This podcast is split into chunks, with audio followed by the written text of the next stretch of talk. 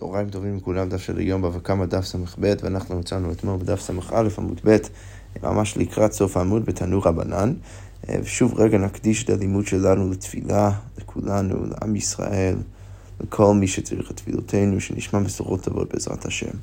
אנחנו באמצע הדיונים, המחלוקת מפורסמת בין רבי יהודה וחכמים סביב השאלה של טמון באש. היינו במשנה את המחלוקת הפשוטה שחכמים סוברים שעל הטמון באש אה, המבעיר פטור, אז הוא אמנם אה, חייב על, על, על הנזק שהאש שלו גורם, ששורף את הנכסים של חברו, שורף את הגדי של חברו, אבל אם חברו היה שם משהו, שהוא הטמין משהו אה, בתוך הגדיש, אז את זה בעל, בעל האש, בעל המעביר, לא היה צריך לקחת בחשבון, לכן על זה הוא פטור.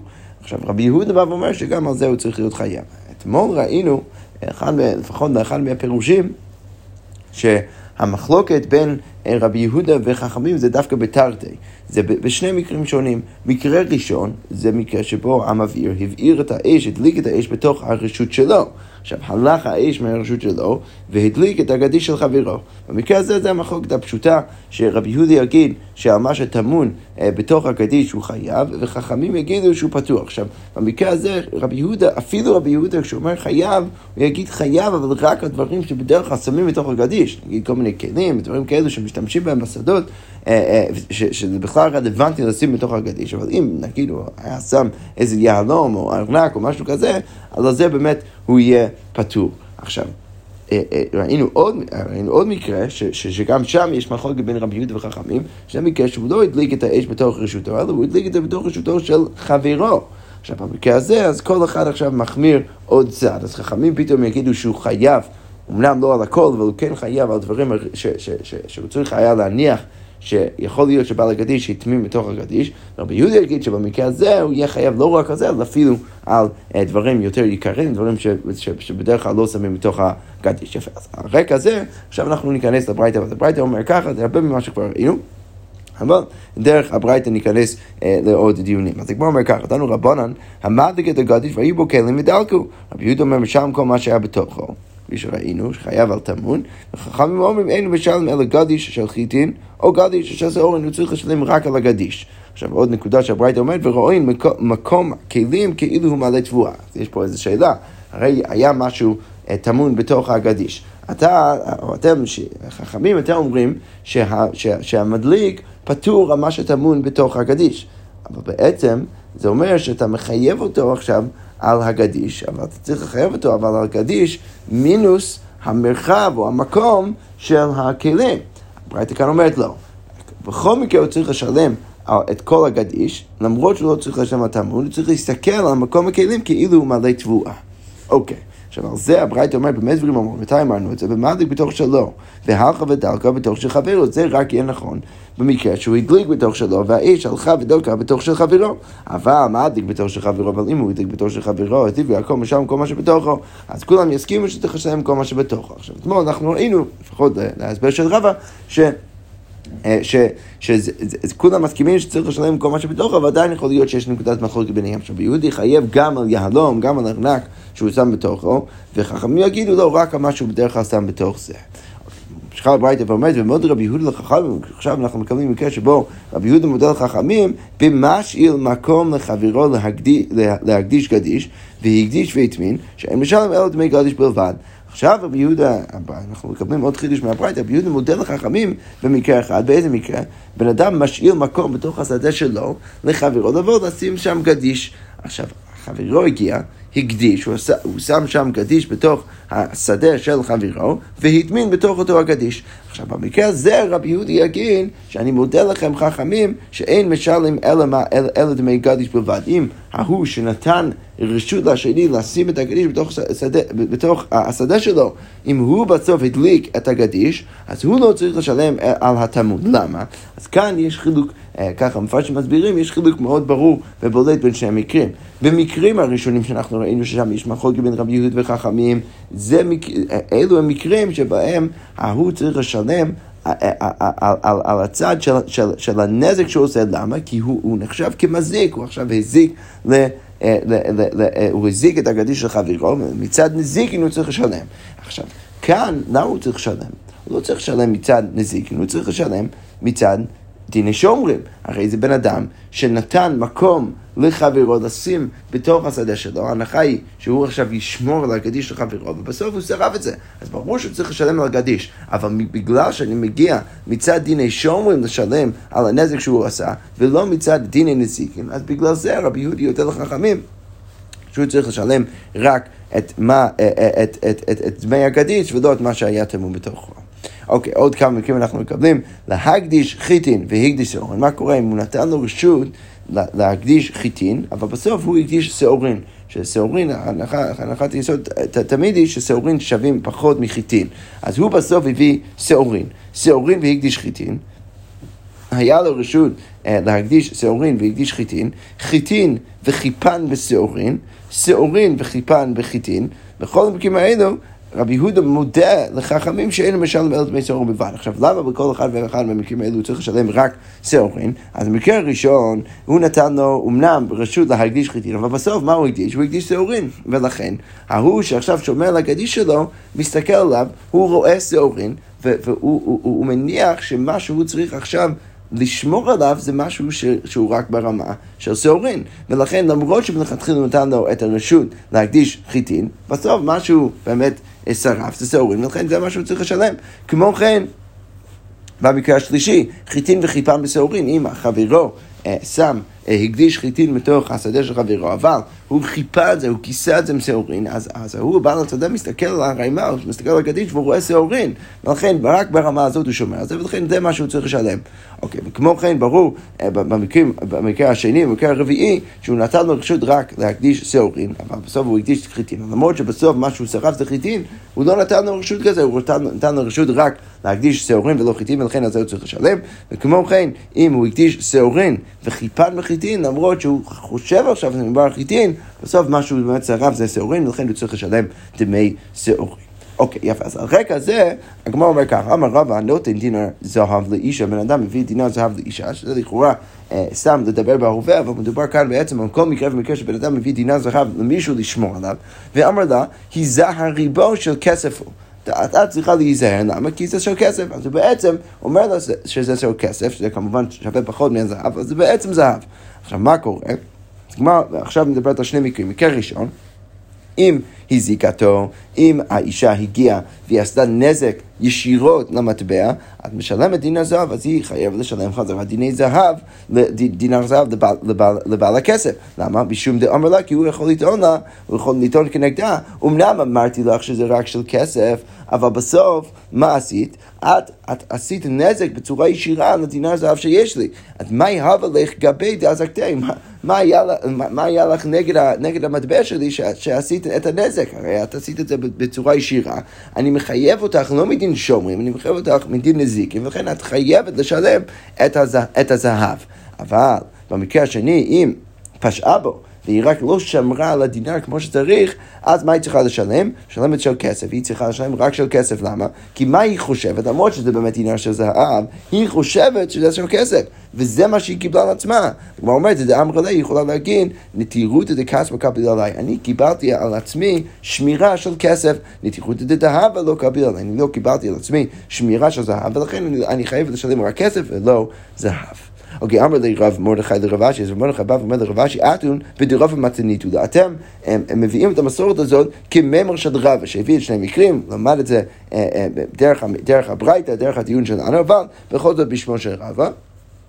בא רב מרדכי ואומר, אנן מתניתו פשיטלון. אנחנו למדנו את זה מהמשנה. שמה אפשר ללמוד מהמשנה? אז אמרנו, סליחה, לא מהמשנה, מהברייתא, מה אמרנו בברייתא? חיטין וחיבה בצהרין, צהרין וחיבה בחיטין, אין אלא מצהרין בלבד. אז עלמא, אז מה משמע מזה? אמר לי, אז משמע מזה שהבעל הסדר יכול להגיד לבעל הגדיש, נטירותא דשארי קביל עליי. אני קיבלתי לעצמי שמירה של שעורים ולא של חיטין, ולכן לא נעמי אמרה לי, אז כמו כן האישה, היא יכולה לטעון, לפחות במקרה שהיא פשעה בו, היא יכולה לטעון, נטירותא דהב ולא קביל עליי, לא, לא קיבלתי על עצמי שמירה של זהב, ולכן אני חייבת לשלם לך רק עבור הכסף ולא עבור הזהב. אוקיי, יפה. עכשיו משחק גמר ואומר ככה, אמר רב, שמעית מילתא לרבי יהודה, לא ידענו מהי. אני שמעתי משהו בשיטתו של רבי יהודה, ואני לא יודע מה באמת שמעתי, לא יודע מה, מה למדתי ממנו. אז אמר שמואל, שמואל בא ואומר לרב, ולא ידע אבא מה ישמע לי, מה אתה לא, אתה, אתה לא זוכר? אני, אני אגיד לך מה, מה, מה, מה שמעת, מה למדת.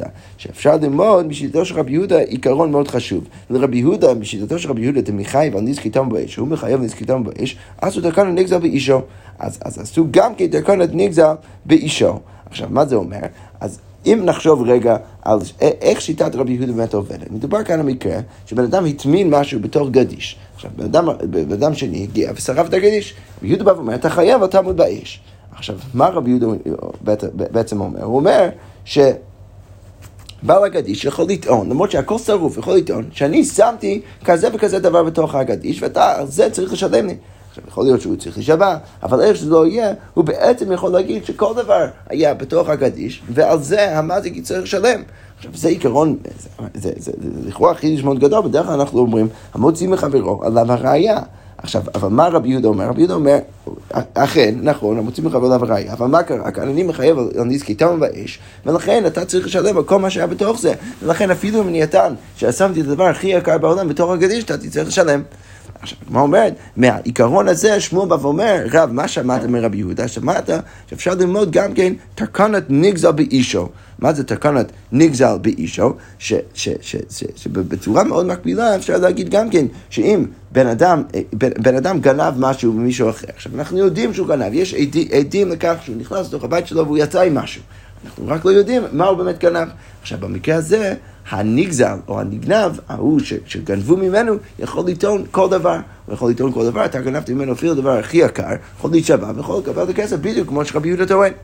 אז הגמרא אומרת, זה מה שאפשר ללמוד משיטתו של רבי יהודה. עכשיו הגמרא אומרת ככה, באי המימר, אז הוא תקן נגזל במסור, או לא, האם, האם עשו גם כן תקנת נגזל במסור או לא? עכשיו, מה זה מסור? מסור זה חטא מאוד מאוד גדול, שבן אדם בעצם מוסר את הנכסים, הוא מוסר מידע על הנכסים של מישהו לממשלה, והממשלה מגיעה ולוקחת ממנו את כל, אה, אה, אה, את, את, כל, את כל הנכסים שלו. עכשיו, אם זה קורה, ואנחנו יודעים שזה קורה, אנחנו, אנחנו רק לא יודעים מה באמת המלכות לקחו או לקחה מאותו בן אדם, האם, וכמה זה היה שווה, אז עכשיו השאלה היא אם אפשר להגיד שגם שם הוא יכול להישבע, בעצם לקבל את כל מה שמגיע לו מההוא שמסר אותו למלכות.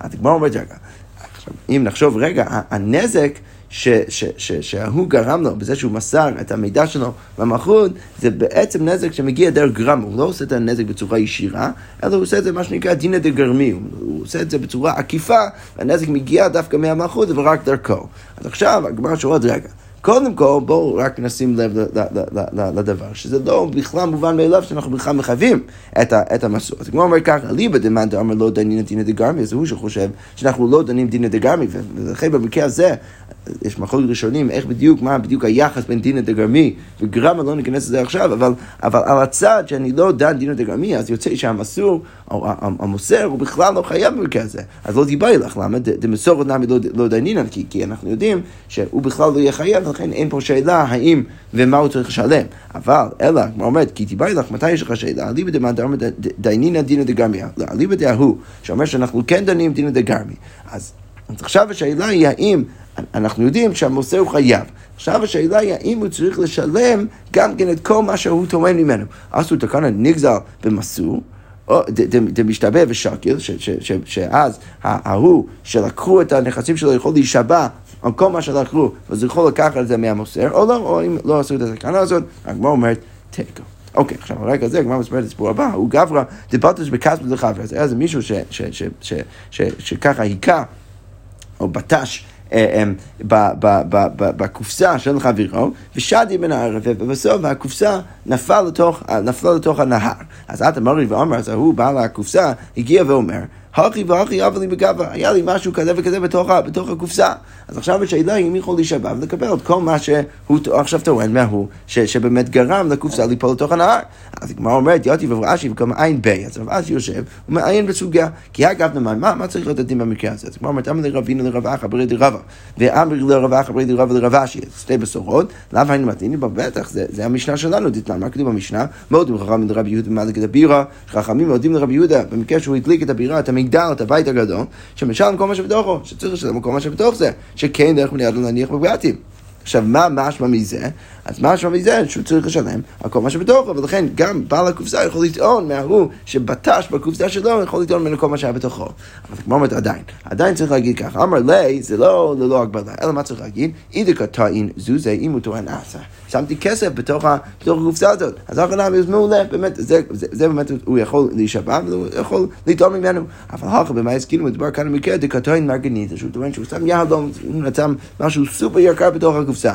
עכשיו השאלה היא מהי? כי מנחי אינשי במרגניטה בכספתו או לא. סליחה, ממנחי אינשי במרגניטה בכספתו או לא, האם אנחנו מניחים שאנשים באמת שמים את הדברים בתוך הקופסאות או לא? שאלה מאוד פשוטה.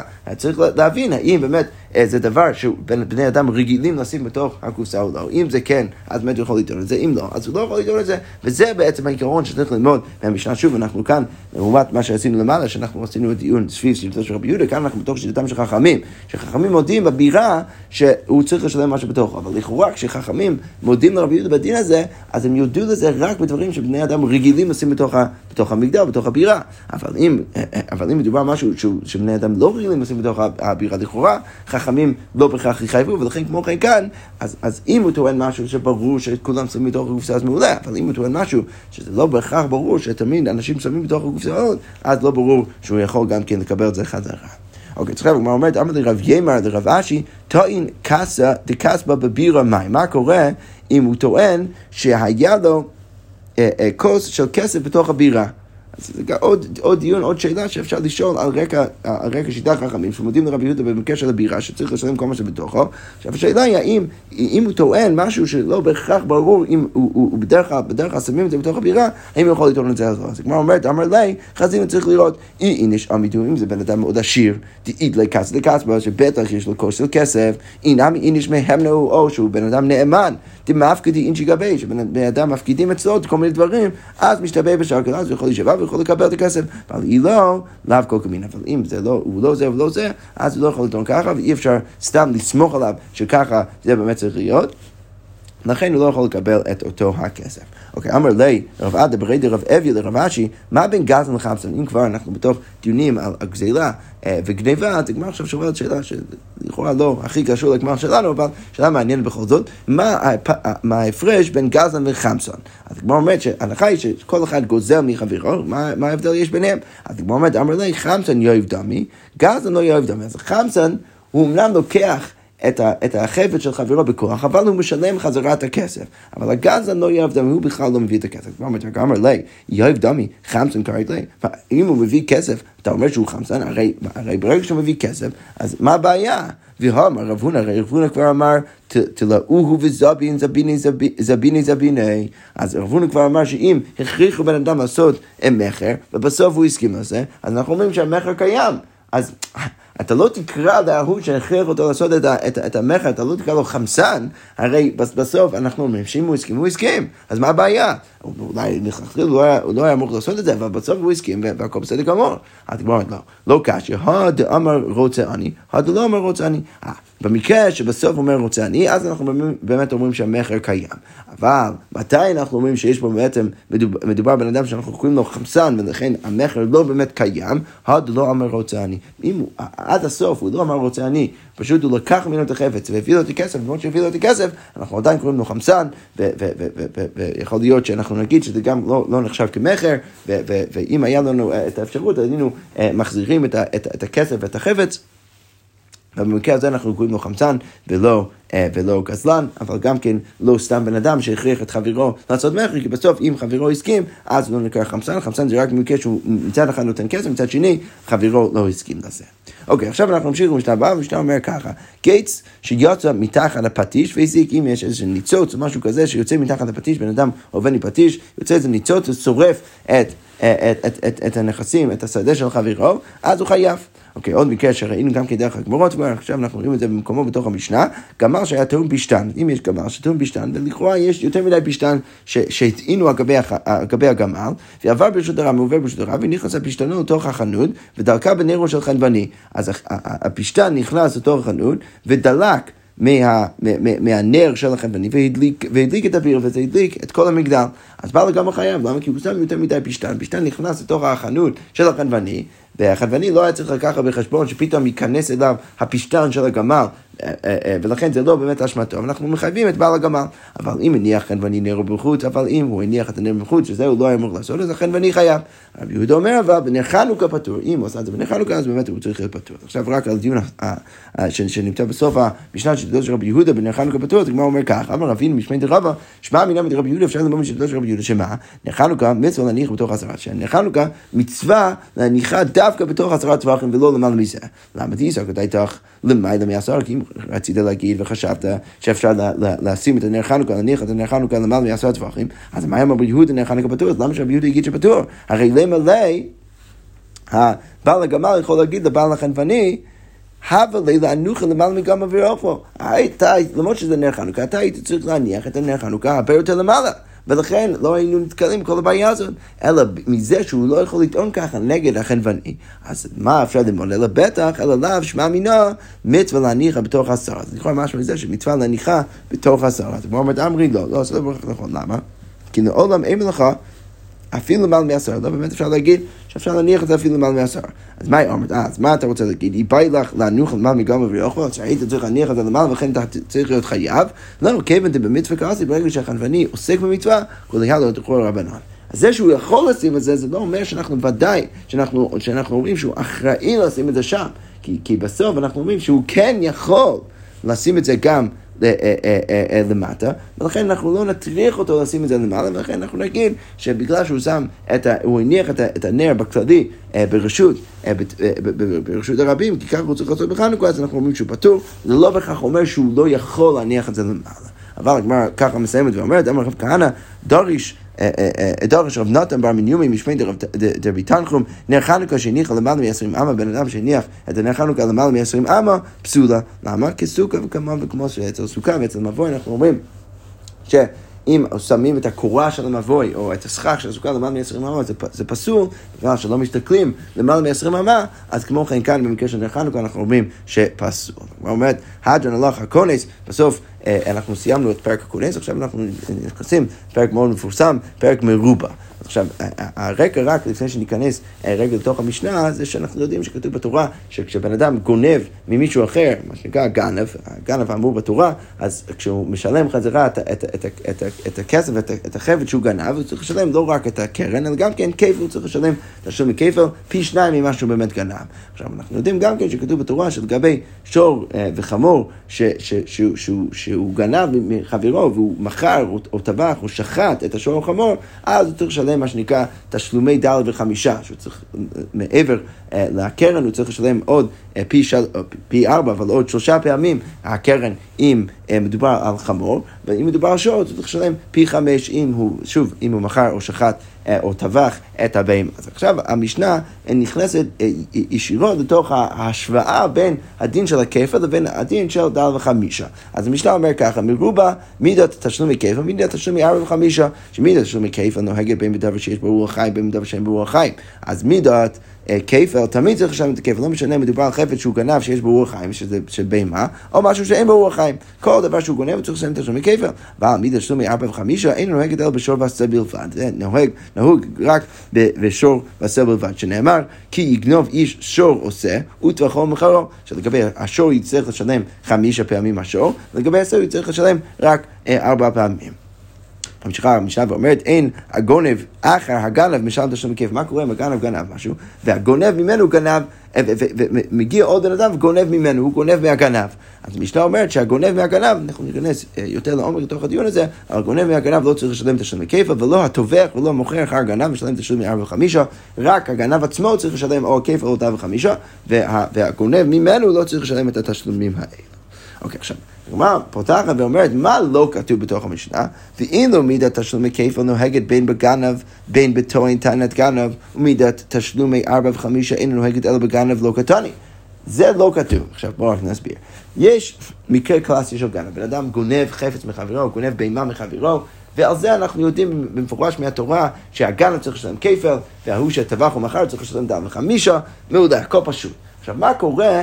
עוד סוג של גנב. יש לך מישהו שהפקיד חפץ אצל מישהו אחר, אז יש לך עכשיו את השומר. עכשיו, מה קורה אם השומר בא ואומר, תשמע, אני שמעתי על חפץ שלך, מישהו גנב את זה ממני. אני, הוא אפילו לוקח שבועה, הוא נשבע שגנבו ממנו את החפץ, ובסוף גילו שבאמת היה אצלו כל הזמן, הוא רצה לגנוב את זה. עכשיו, אם הבן אדם הזה נחשב כגנב, ברור שהוא גנב ביום יום, ברור שהבן אדם הזה הוא, הוא גנב, בסוף הוא גנב מחברו.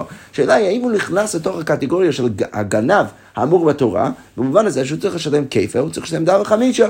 עכשיו, מה לא כתוב במשנה? אז אנחנו מניחים במפורש, בפשטות, שהוא כן נכנס לתוך הקטגוריה של גנב, שהוא צריך לשלם כיפה. עכשיו השאלה היא, האם הוא יכול גם כן להיכנס לתוך הקטגוריה של גנב, במובן הזה שהוא יצטרך לשלם גם כן דל וחמישה. עכשיו, במשנה יש לנו פער והפרש וכן, ופער בין הדין של כיפה ותשלום מדם וחמישה, זה אנחנו אמרנו במפורש בתוך המשנה, איזה חילוק יש? יש חילוק בזה שאצל כיפה צריך לשלם גם על דבר שיש בו רוח חיים, גם על דבר שאין בו רוח חיים, ודם וחמישה צריך לשלם רק על דבר שיש בו אה, אה, רוח חיים, על שור ועשה בלבד.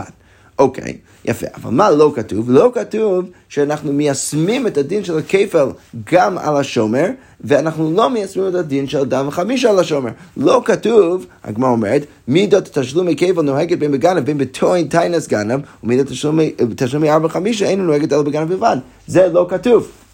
זה לא כתוב בתוך המשנה, החילוק הזה. אז מה זה לכאורה אומר? זה לכאורה אומר שאנחנו לא עושים את החילוק הזה, ואנחנו מניחים שגם הטוען טענת גנב, הוא צריך לשלם לא רק את הכפל, אלא גם במקרה שזה רלוונטי, הוא צריך לשלם גם כן דל וחמישה. אז הגמרא אומרת, מסייע לרבי חייא בר אבא, דאמר רבי חייא בר אבא, זה סיוע לרבי חייא בר אבא, שרבי חייא בר אבא אמר בשם רבי יוחנן, אמר רבי יוחנן, הטוען טענת גנב בפיקדון, בן אדם שטוען טענת גנב בפיקדון, בדיוק במקרה שלנו, לא רק שהוא משלם תשלומי כפל, אלא גם כן שטבח ומכר משלם תשלומי דל וחמישה. שהוא יצטרך לשלם גם את זה. לכאורה ככה אפשר לדייק מהמשנה. אוקיי, איגד מאוד וריאציה, כמו אומרת, למה מסייע לי לרבי חייא בר אבא, אולי באמת זה יוצא סיוע לרבי חייא בר אבא, דאמר רבי חייא בר אבא, רבי יוחנן, התור ניתן לסגן, ובקודם משלם תשלומי כפל, תבחו מאחר משלם תשלומי ארבע וחמישה, לכאורה משמע שאפשר ללמוד את זה מהמשנה, כמו אומרת, לא, מקטוני אין בין, האם כתוב אין בין בתוך המשנה? אם היה כתוב אין בין כפל ותשלומי ארבע וחמישה, אל זה בלבד. אז הייתי אומר שזה החילוק היחיד, אבל מרוב הקטני כתוב רק שיש דין אחד אצל כפל שלא נמצא אצל אדם וחמישה, תנו משיח, אפשר להגיד שהמשנה השאירה דינים בחוץ, והיא לא הכניסה את כל החילוקים בין הקבע ודם חמישה, יכול להיות שיש עוד חילוק ביניהם. שמה? שאתה נותן את כלב צריך לשלם קבע, לא צריך לשלם דם חמישה, לכן זה לא ברור והכרחי מהמשנה להגיד שזה תומך בשיטתו של רבי חייא אבא. אוקיי, אז עכשיו אנחנו נחזור חזרה לתוך המשנה, אמרנו במשנה, העמיד את השם מכיוון נוהגת וכולי וכולי. עכשיו השאלה היא בכלל, מאיפה אנחנו יודעים אה, אה, אה, את הדין הזה, שהתשלום מכיוון צריך לשלם בכל מקרה ומקרה. אז הגמרא אומרת, מנהל מי? אצלנו רבנו כתוב בברייתא, על כל דבר פשע כלל. אז כאן, למרות שבתוך הפסוקים מדובר כאן על השבועה שהשומר צריך לקחת, אפשר ללמוד מתוך הפסוקים שבעצם מדובר על כל דבר שהגנב יכול לגנוב. אז כתוב בתורה על כל דבר פשע, אז זה מה שנקרא כלל. ועל שור, על חמור, על סב ועל שלמה, זה פרט.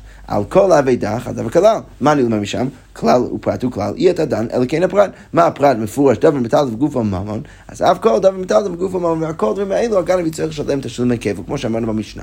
יצאו, מה זה, מה זה בא למעט? יצאו קרקעות שאין מטלטלין, על זה לא צריך לשלם. יצאו עבדים שהוגשו לקרקעות, וזה ממעט גם כן עבדים שהוגשו לקרקעות, שזה גם כן לא מטלטלין, ולכן על זה הגנב לא צריך לשלם תשלומי כפל, יצאו שטרות, זה באמת גם שטרות, שאף על פי שמטלטלים, למרות שמטלטלים אין גוף הממן. בסוף אין ערך מהותי בתוך, שמוגדר בתוך כבר השטר עצמו, אולי מעיד על איזשהו ערך או כסף שאפשר לקבל, אבל הדבר עצמו לא שווה כסף, ולכן זה גם כן, על זה הגנב לא יצטרך לשלם תשלומי כפל, ויצא ההקדש זה גם כן באמת ההקדש, למה? כי רעהו, כתוב כתוב רעהו, צריך להיות דווקא הכסף או הנכסים של רעהו ולא של ההקדש, אז זהו גם כן הוא לא יצטרך לשלם תשלומי כפל. יפה, אנחנו נעצור כאן, נמשיך לחפש את השם עם המשך הגמרא. שכוייח.